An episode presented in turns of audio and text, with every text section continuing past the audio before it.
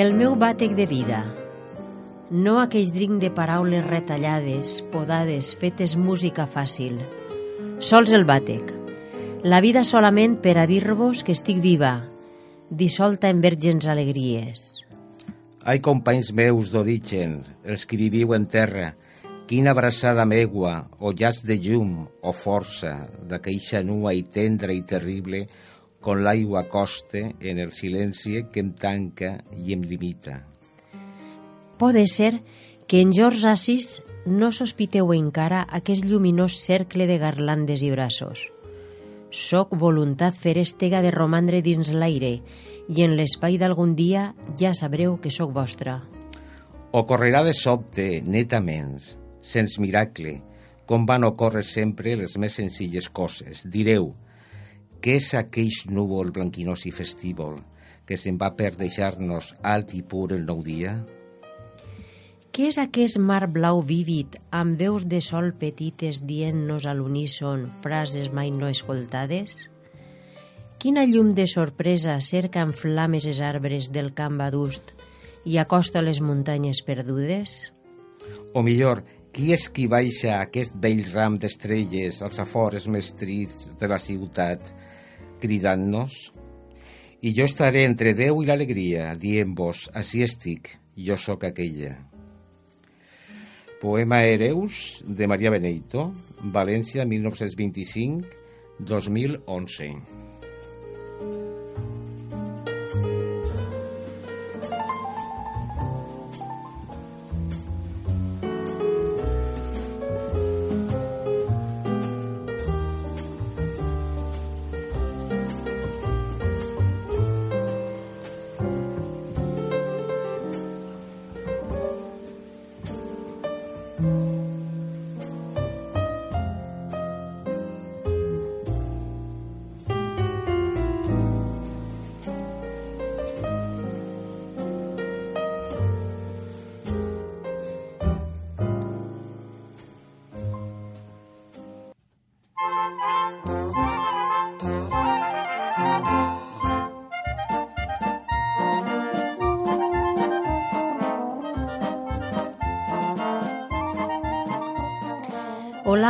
dia tingueu veïns i veïnes de la Eliana, eh, com una setmana més eh, estem així al nostre programa setmanal de Cel Obert, esperant que gaudiu amb tots nosaltres de les seccions i de la història del nostre poble. Música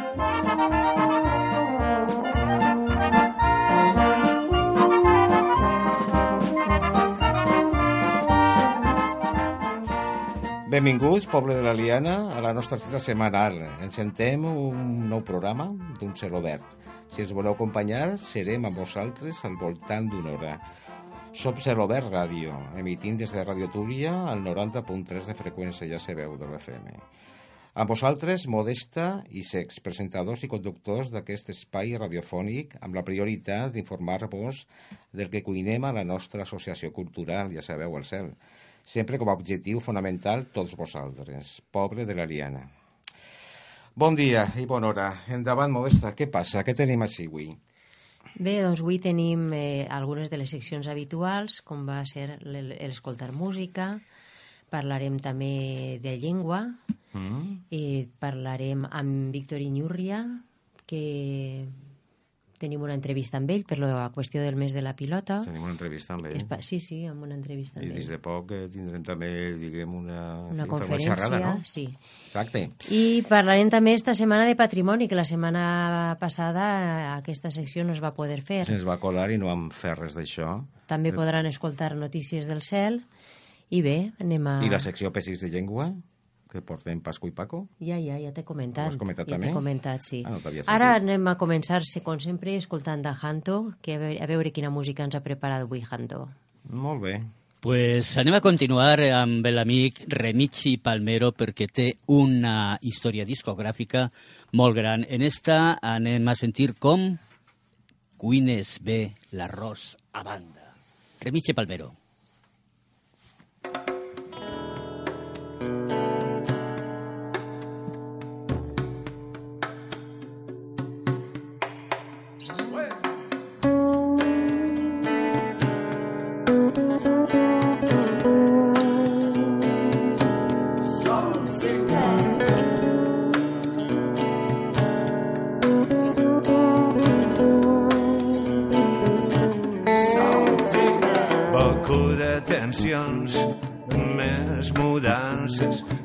Tempesta d'emocions, s'avancen les vacances, ja que recupera el cor, que descanse la flor.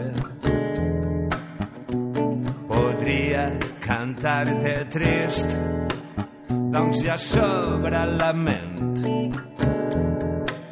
I la cançó segueix transcorrent així, així, així, així, així. Perquè amb tu o sense tu he de seguir, he de seguir. Amb tu o sense tu he de seguir, he de seguir.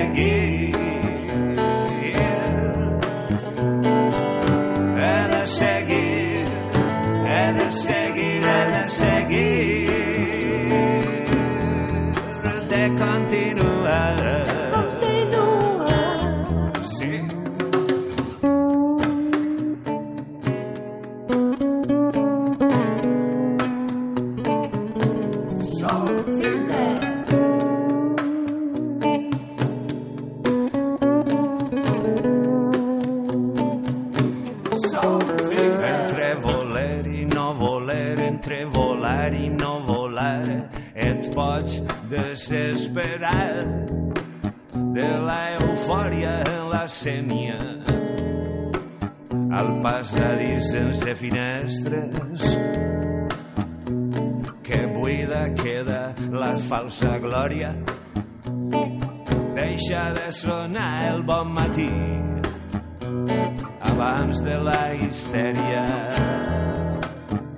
Se n'anem a passejar per ahí, perquè amb tu o sense tu.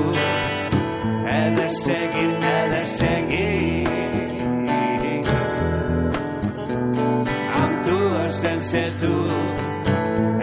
Seguir, de seguir.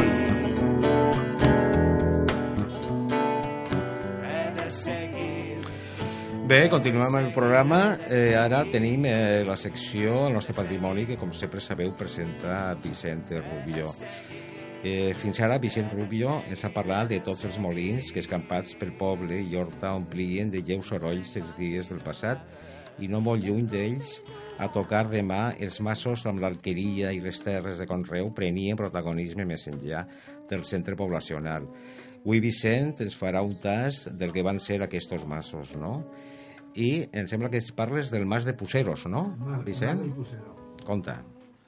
Bueno, pues el mas de Pusero el trobem ja en el Diccionari Geogràfic Estadístic de Pasqual Mandot de, mil, de 1845 i en la, de la descripció de la Pobla Baibona fa referència a les granges o masies que, en ell, que en ell, entre elles està la masia Pusero.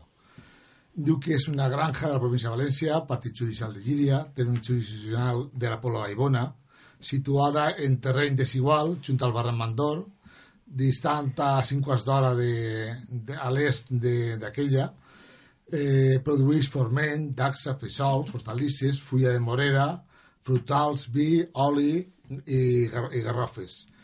I, i poblat d'un veí, el que vol, vol dir que, que no és que sigui un veí, era una família. O sea, contaven, eh, com, quan diem veí, eh, volia dir una família, el cap de família. Està sent.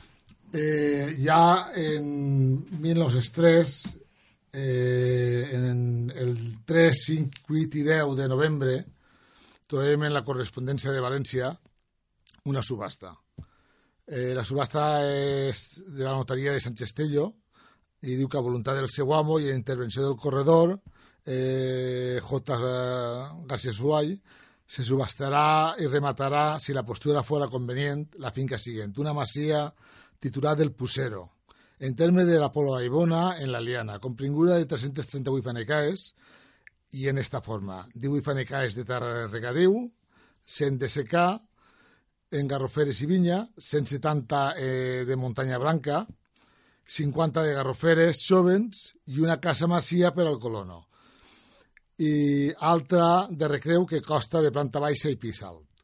Esta finca la travessa el ferrocarril de Llíria i els lindes de nord uh, al nord són de, del Marquès de Càceres, al sud Francisco Plaza, eh, a l'est Monts, Monts Blancs i a l'oest Baran del Mandor. Aquesta és la descripció que ens dona en aquell temps.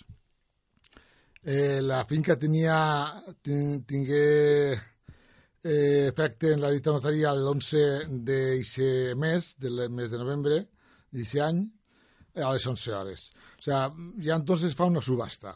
Possiblement eh, l'adquirida després eh, Honorio Orts Jiménez, que era un terratenient que comprava finques, que fue un alcalde de Palomar, nascut a 1874 i mort eh, l'any 39, en València, casat amb Carolina Faus Espí, residència en el carrer del de Redonxe Vell de València. I foren pares de, de José Ramón Orts, que estava casat amb Cayetana de, de Mergalina i l'Aranya, residència al carrer Siscar, i de Josefa Os Faus, eh, casada en el 10 de febrer de 1930 amb Francisco Cerdà Reig, nascut a Ontenient, cap del cos jurídic, militar i president de la Diputació de València, en l'any 49. Eh, esta última, Josefa Os Faus, adquirís per herència la Masia, situada en el Pla de la Paella, a partir de la Masia del Pusero, comprenent una extensió del voltant ja entonces d'unes 400 fanecaes, en per tern i el resta en cultiu cereal, vinya i garroferes i pins, i formava tota una finca de llavor anomenada la Masia de Sant José, creuada per la via fèrrea econòmica de Llíria, actualment la PEBE, de nord a sud, i fronterís per nord en terres del marquès de Casarrams, segons diu així, eh, per sala en què forma part d'esta finca alineada a la comunitat de regants, que era el Pou, que s'havia venut, eh, Pou de, de Sant José, i per el sud en les de Francisco Plaza i les de Juan Soler, i a l'oest el Barranc. Diu, esta deta comprenia un edifici de dos viviendes, enquadres, corrals, xechits i resta de departaments de la casa pròpia de labor, i podem apreciar en la façana de l'edifici el retaule de manicetes en la imatge de Sant Josep, eh, el qual dona nom a esta masia. Estan de masovers Enrique Coll Mañez i Maria Molina Coll. Els fills d'estos de, masovers, Vicent, Enrique, Julián i José María Coll Molina, es van interessar per la heretat i la van adquirir l'11 de novembre de 1948 per un valor de 76.000 pessetes. En aquest moment és quan comença l'organització dels terrens, coneguda popularment com a Montesol. En l'octubre de 1968 es va procedir a la subhasta de les obres de pavimentat de la zona residencial de Montesol, la segona fase, i en aquells anys es va sol·licitar a la hidroelèctrica la, con, la concessió de la xarxa de llumenament públic de 100 nous punts eh, de llum instal·lades a Montesol. També s'inaugura el depòsit d'àvies potables de la colònia Montesol i en aquesta dècada un, un dels propietaris dels terrenys d'una de les partides treba, treballava en el ferrocarril i va estar a responsables de l'empresa a que col·locaren un abaixador.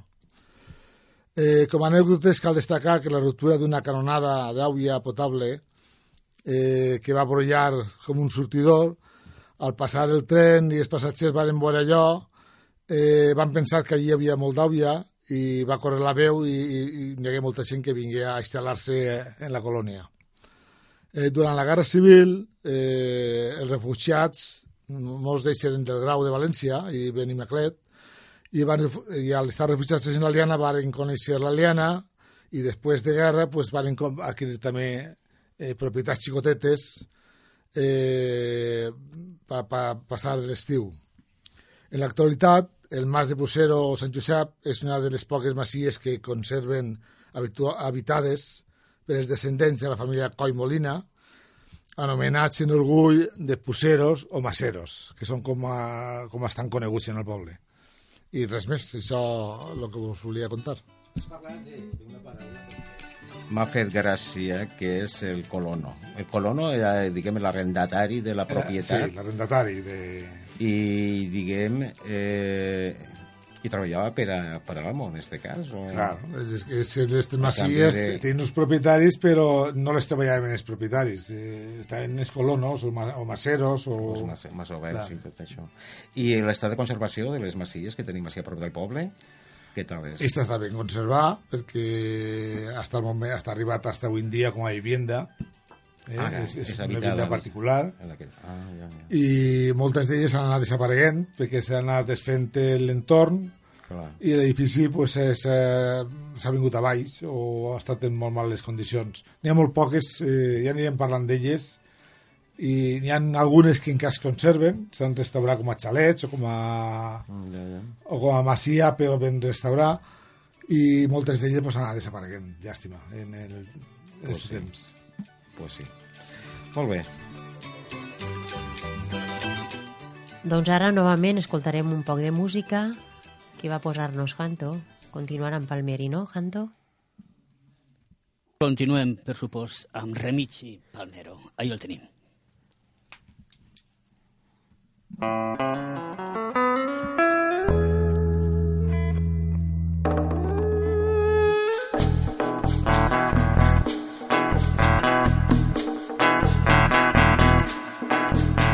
Carrer, comèdies, sabatilles blanques.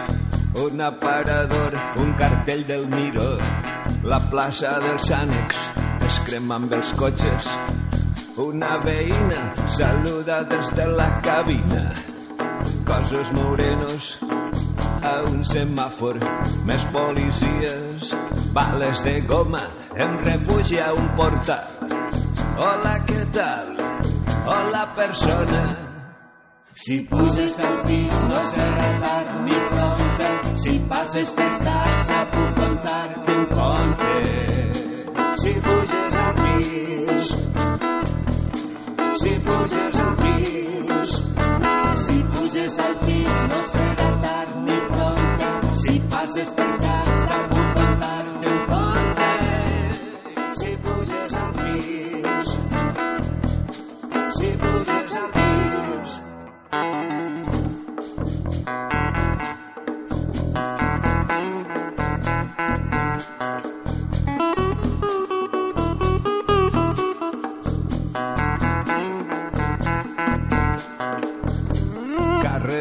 Pau, Xequina Guerra. Així pel parterre té un pis el vernís. Aquesta nit passen al canal 200, París, Texas. Passeu, passeu, veureu el piset. Tenim visita, diu l'estudiant de Carlet.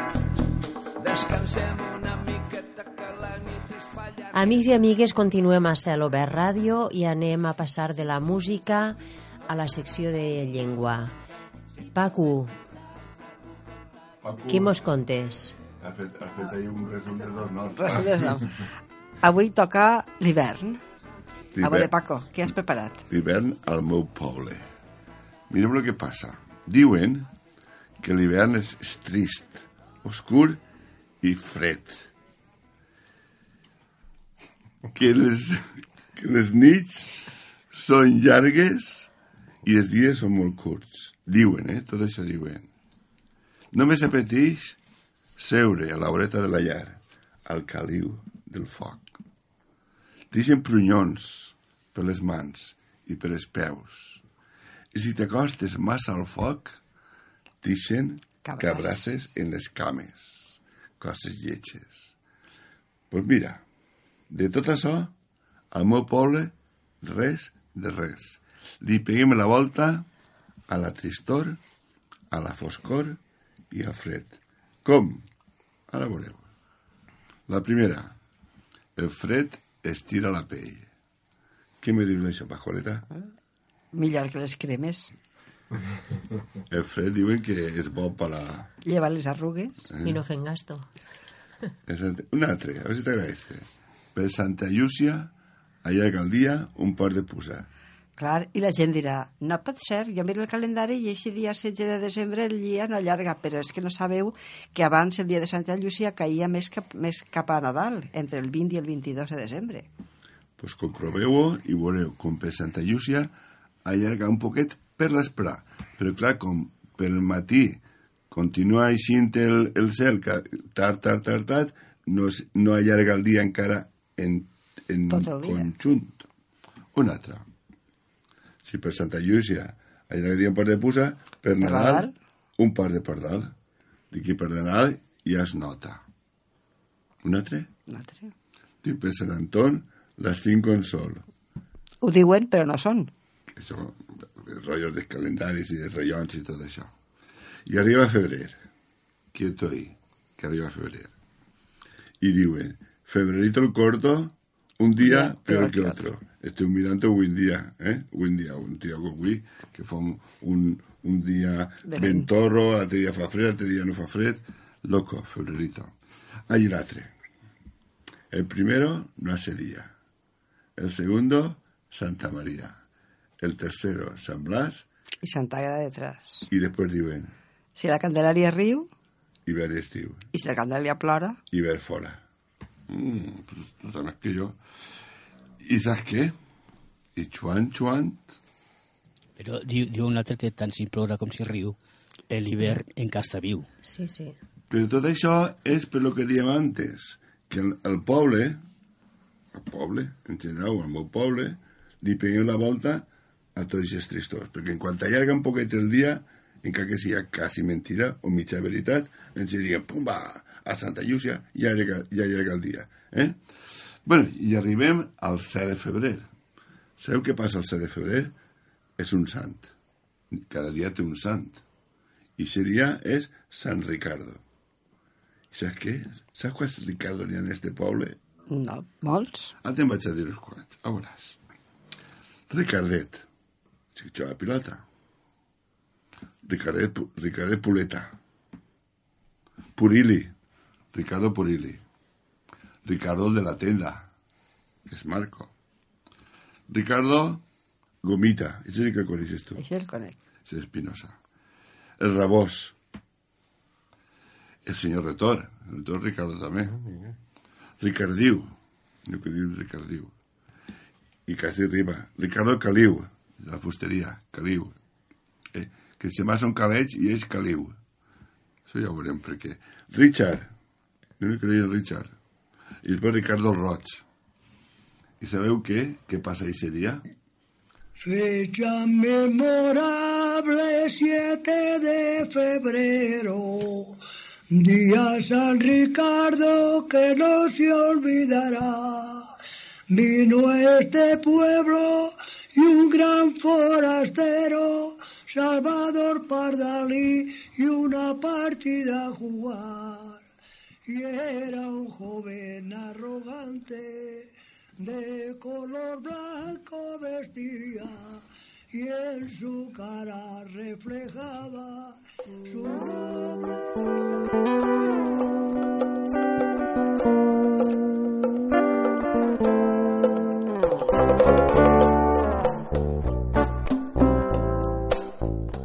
Y se el tío Paquito Rocher, recordamos que fecha memorable fa ese día de, va ser ese día de San Ricardo.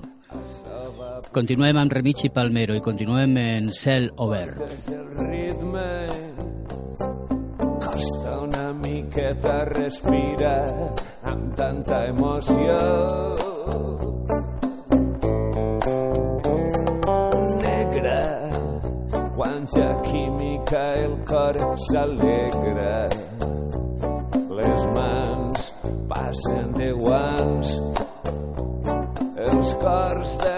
derreteixen diamants aquest instant sencer en negre amb el teu compàs celestial on va tant de que tal si ja és total no som de pedra. Aquest instant sencer negre amb el teu compàs celestial. On va tant de que tal si ja és total no som de pedra negra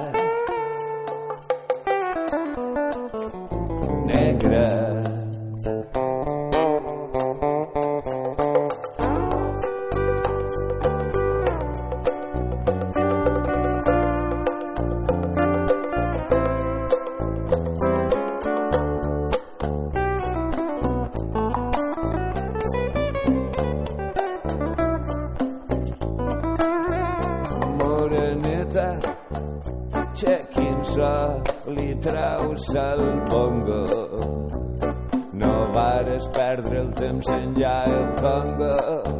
Aixeca bo, aixequin gust, anar eixint del disgust. Tu fas canviar l'ambient quan balles ahir et va l'ànima. Bé, amics, eh, us puc dir que estem molt contents perquè en aquest moment tenim a l'estudi una gran persona, Víctor Iñurria, que precisament eh, el mes en el que estem, ell és molt protagonista. Sabeu que el divendres eh, de 9 de febrer farà una conferència sobre la pilota. I bé, i Janto, nostre company, li farà una sèrie de preguntes molt interessants, per cert. Endavant, Janto, quan vulguis.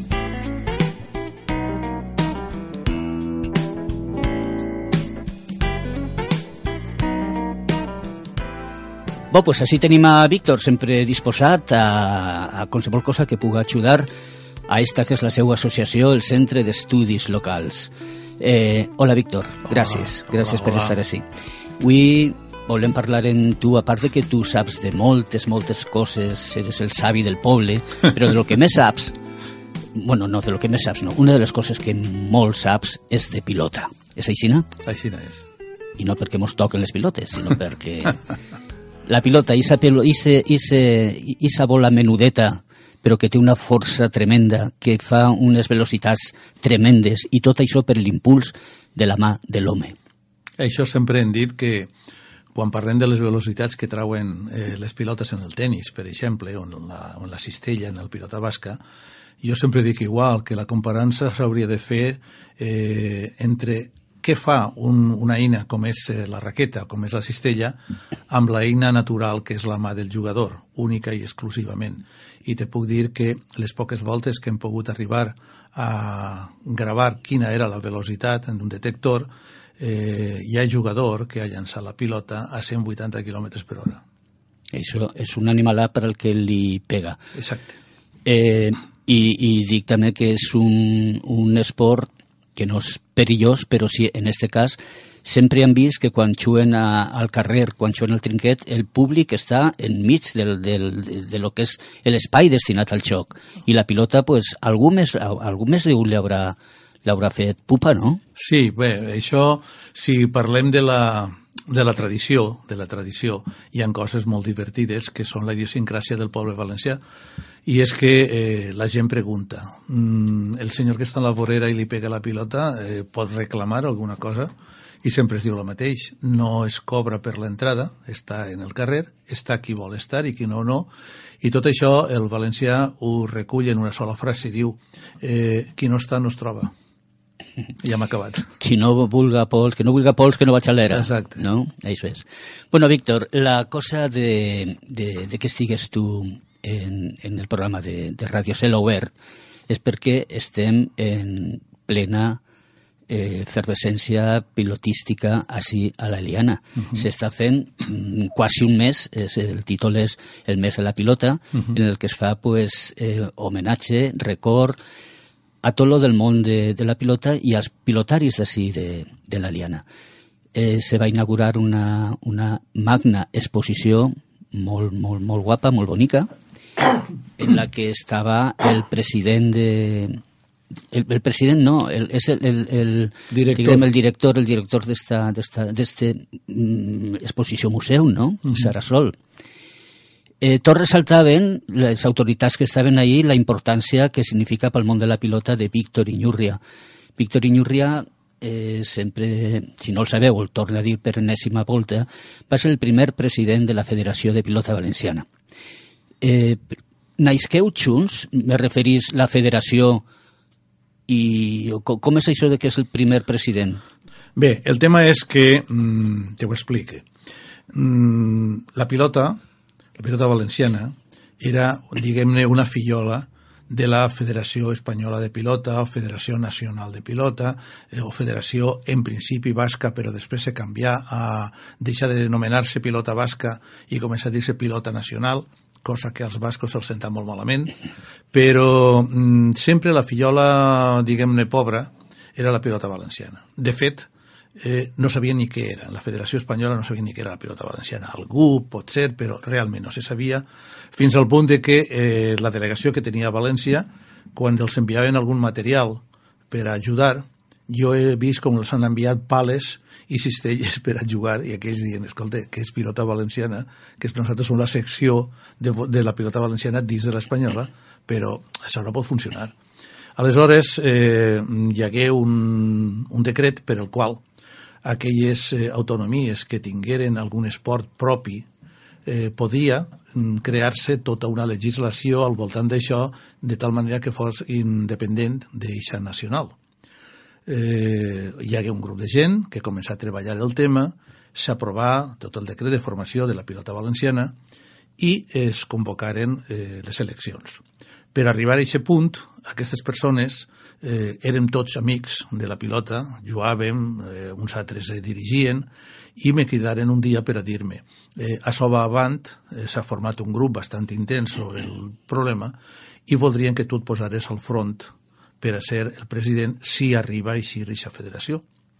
Se va fer tota una tramitació, hi hagueren alguns moments una miqueta durs, perquè hi havia gent que, com la pilota se n'havia desenvolupat a través de la història, diríem entre cometes, salvatge, ningú dia el que tenia que fer ni el que no, pensaven que algú venia a furtar-li la seva llibertat.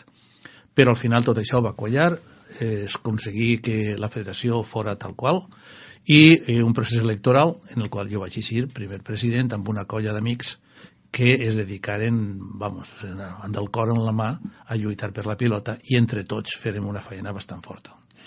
I durant quant de temps estigueres al front? La, la federació es va constituir en el 85 i jo vaig estar de president fins a l'any 93, si no recorde malament.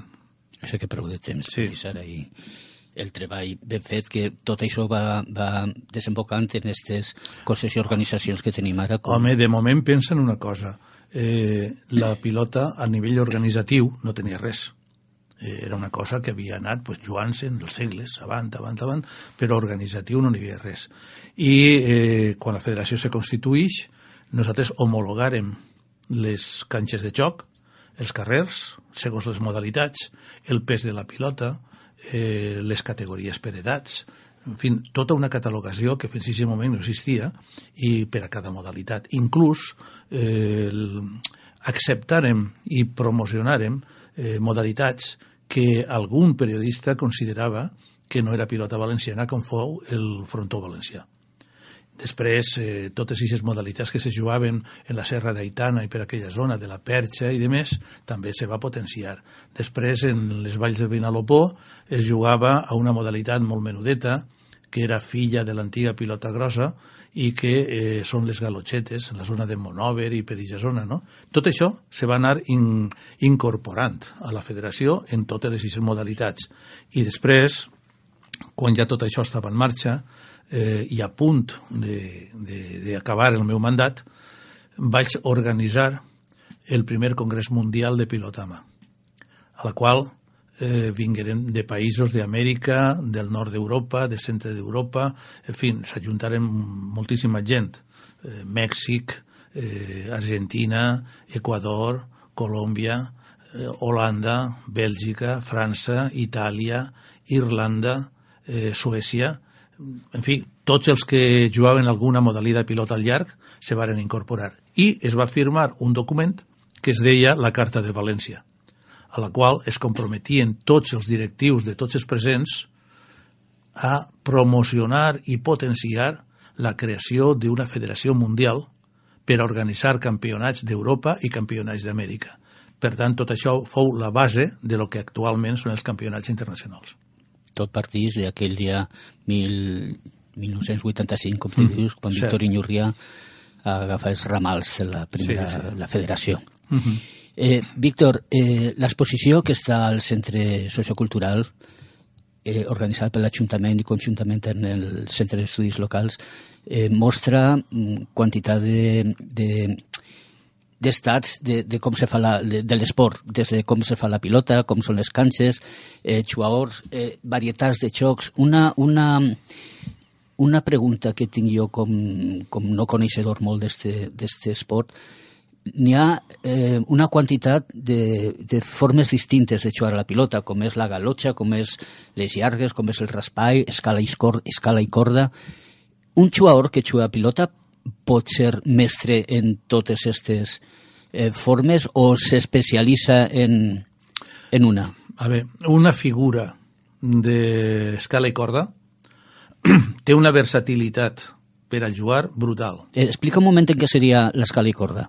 L'escala i corda és el que normalment la gent parla del trinquet. El, el, la Vale. gent coneix com a trinquet. Eh? On hi ha una escala al llarg de la, de la pista de joc, on se seu la gent, i una corda al mig que la pilota ha de passar per damunt de la corda. Que seria sempre. com la ret al tennis. Sí, eh, al final de la postre... La- la en compte- xarxa del tenis. Home, eh, tu pensa que el, el tennis és fill de la pilota. Clar. Eh? I, lògicament, ha heretat moltes de les coses, el que passa que després la potenciació econòmica li ha dut a certes, eh, eh, com diria jo, acaronaments per pal de, de la gent que ho practica i per falta de diners que no siga. Eh? Però la pilota és el contrari. Molt bé. Tiene en compte que la pilota naix en el poble, però ja des del moment que naix en l'època dels grecs i després en l'època dels romans, la pilota sempre té dos nivells, el dels que manen i els que obeeixen. El poble normalment sol jugar en el carrer i els nobles se aparten en llocs tancats que són el que després diem trinquets. I per això els nobles i els rics, al, al fer-lo del tennis, ja no posaven simplement la cordeta, tenien pa, diners per fer una sarsa. No solament això, no solament això, sinó que ells jugaven tancats, igual que nosaltres. Sí. On tenim l'escala, nosaltres, eh, ells tenien un passadís amb una coberta per sobre i eh, eixos trinquets, que nosaltres, per dir-lo d'alguna manera, diguem trinquet francès, realment eh, avui encara existeixen. A París, a Anglaterra i a tot el País Basc. I, i, I el raspall és també del carrer, no? Sí, sí, sí, sí. però també se juga en l'interior exactament igual. També. És dir, en trinquet Però el raspall no té corda, Ja no té corda. ni té, ni té el, els graons, ni les escales. No, clar, sí, és- l'escala està igual, la gent seu a les escales, però la pilota va roladissa per terra en tot el que és la, la pista de joc i el jugador la pot pegar eh, encara que vagi rolant. O sigui, així mm. com en l'escala i corda. Tu tens que jugar-la al primer bot o a l'aire en la pilota del raspall, va per terra i raspes amb la mà per atraure-la. Va, per això es diu raspall. no? Exacte. En alguns llocs, en vegada raspall, li diuen raspot. Raspot. I llargues. Llargues ja és carrer. I si és carrer Esa és la mare, pur de i dur, eh? la mare de totes les modalitats. Les llargues és eh, dos equips enfrontats, en el que hi ha una marca per a poder traure el més llum que pugues, i el contrari té l'obligació, perquè no li facin el 15, d'entrar-la de nou al carrer, o sigui, des de llarg, i te puc dir que actualment hi ha jugadors que poden llançar quan trauen la pilota, el saque que diguem, la treta, en alguns diuen la banca, eh, poden llançar una pilota a 80 i 90 metres de distància. Víctor, eh, n'hi ha un moment que jo tenia molta amistat en un senyor ara mort que era el, el marxador de, del trinquet Pelayo, uh -huh. el senyor Selfa, Sí, eh, José Selfa. I ell sempre em dia, no entenc per què la joventut, en volta d'estar jugant al futbol, per què no, no, no juga a la pilota? Perquè poden a- guanyar diners, també. sí, però no. eh, no, no, no fer-se ric, però que, bueno, que podia mirar una partideta per que sí, per allà. Eh, penses que n'hi ha una cantera de, de gent jove? N'hi ha escoles ara i això, no? N'hi ha molts xiquets i xiquetes. També xiquetes. Sí, molt sí, bé. sí. A Déu gràcies la cosa ja eh, ha arrelat i n'hi ha uns equips de xiquetes que juguen al raspall molt bé i eh, a aquesta modalitat que ens han venut ara els americans com si l'hagueren inventat ells, que li diuen one wall, és a dir, una paret, i resulta que és allò que nosaltres tota la vida hem dit pareteta, jugar a pareteta, no? Però ara ells venen i en tota la seva, eh, com diuen el màrqueting, no? estan venent una cosa que realment havia nascut així, la teníem tots, no? No hi havia cap, cap diferència. I eh, s'han fet unes pistes, eh, l'única diferència en nosaltres és que ells no tenen ratlla de falta, eh, la pilota la pots tirar a dos dits de terra i és bona, cosa que a mi personalment no m'agrada gens, i eh, mm, s'enfronten equips de, de molts països, Estats Units, Irlanda, Mèxic, eh, Itàlia, Puerto Rico, i així estan sorgint unes xiquetes que juguen molt bé, molt bé. Sí, es congratulen molt per, per, esta, per esta notícia. Víctor, es queda poc de temps. perquè el programa té que continuar i tenim més seccions. Però volíem que mos parlares un poquet, tu vas a fer eh, quasi com cloenda de, del mes este dedicat a la, a la pilota, una conferència que tractarà precisament sobre, sobre el món. Mos pots dir així una espècie d'esbós, de, de guió, de... Sí. Mira, la intenció meva és la següent. Jo eh, mm, prepare una projecció d'imatges per eh, que moltes voltes les coses entren millor per la imatge que tot el que vaig explicant. Aleshores, en vegada de fer, com diu la gent, un rotllo, el que vaig a fer és traure les imatges, comentar-les i després estar obert a qualsevol pregunta. I, les imatges el que comporten és una primera part, origen i evolució de la pilota fins avui, i la segona part és això en la liana com se reflexa qui, qui ha sigut l'Eliana? L'Eliana a aficionats a llargues, a professionals, eh, les imatges que tenim, els noms dels jugadors antics, és dir, una imatge del que és la pilota. Pues moltes gràcies, Víctor, per, per haver-nos il·lustrat en aquest esport que tan mestre eres, eres tu. Estem en, en el mes de la pilota i n'hi haurà també una partida molt important també, no? Sí, sí, el dia 13 eh, jugaran professionals però d'alt nivell. I això serà d'escala i corda? Escala i corda, en el trinquet sí. Pues... El trinquet sí que per a mi té una significació especial. Home, eh, sabem que eres tu el que, el que l'ha dissenyat, el que l'ha construït. Exacte. El, el trinquet que I el carrer que està al costat és el primer carrer artificial que se va fer, com, com a tal carrer. Després d'ahir han eixit molts més molt bonic i ahí està la gent jugant al, al nostre esport, a la pilota. Molt bé. Moltes gràcies, Víctor, moltes gràcies. I continuarem gaudint d'aquest esport tan nostre com és la pilota valenciana. Gràcies.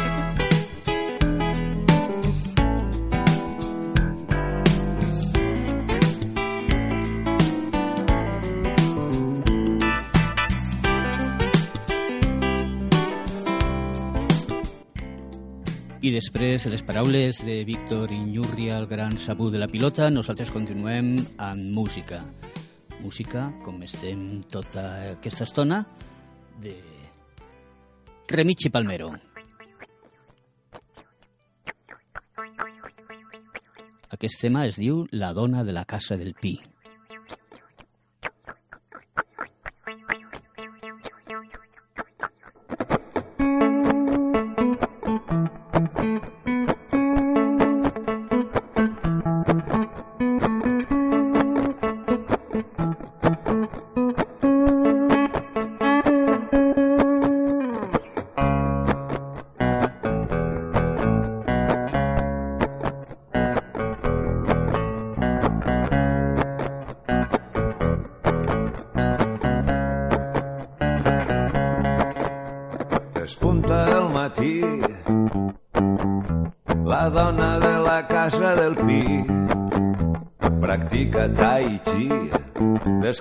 Sobre gespa humida.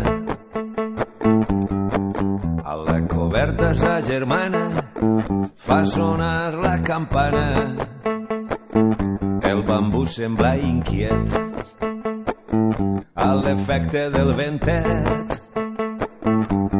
Blau del cel, núvols blancs, així com de cotó. Va néixer al Japó la dona de la casa del pi. Blau del cel, núvols blancs, així com de cotó. Va néixer al Japó, la dona de la casa del pi.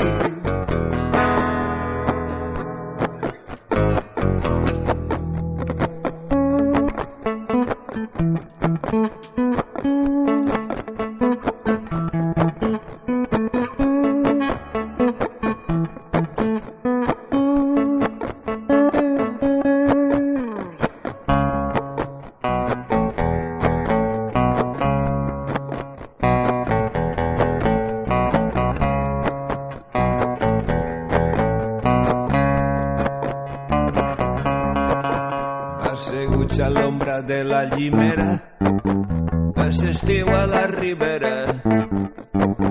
Crema l'aire pica el sol. Crema l'aire pica el sol. Millal no pensa el massa. Maleja la calabassa, suggereix, le calenta el meló. No se passa a l'acció, blau del cel, Bé, estimats oients, i ara, pues, eh, quasi acabem, no? És, eh, parlem de notícies del cel, i parlem en este cas, eh, diguem, de l'imminent passat i del futur. O sigui, dues, dues eh, dates tenim. El dissabte 13 de febrer, ho sabeu, en homenatge als pilotaris de l'Aliana, es va fer una partida de luxe en la qual es van enfrontar Álvaro i Fèlix contra Soro Tercer i Salva i va tindre joc el trinquet municipal a migdia. I del futur, què es diu?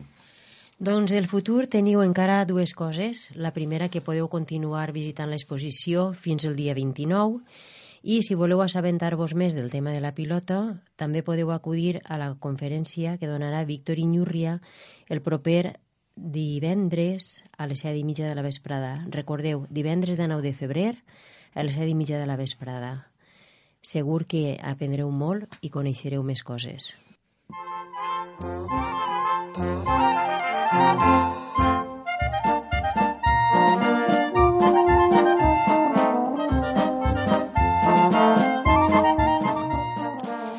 Bé, hem estat quasi una hora amb vosaltres, així dins a l'estudi de ràdio, l'escalfor d'un projecte que ens il·lusiona entrar a les vostres cases, naturalment, amb el vostre permís, i explicar-vos què fa el cel.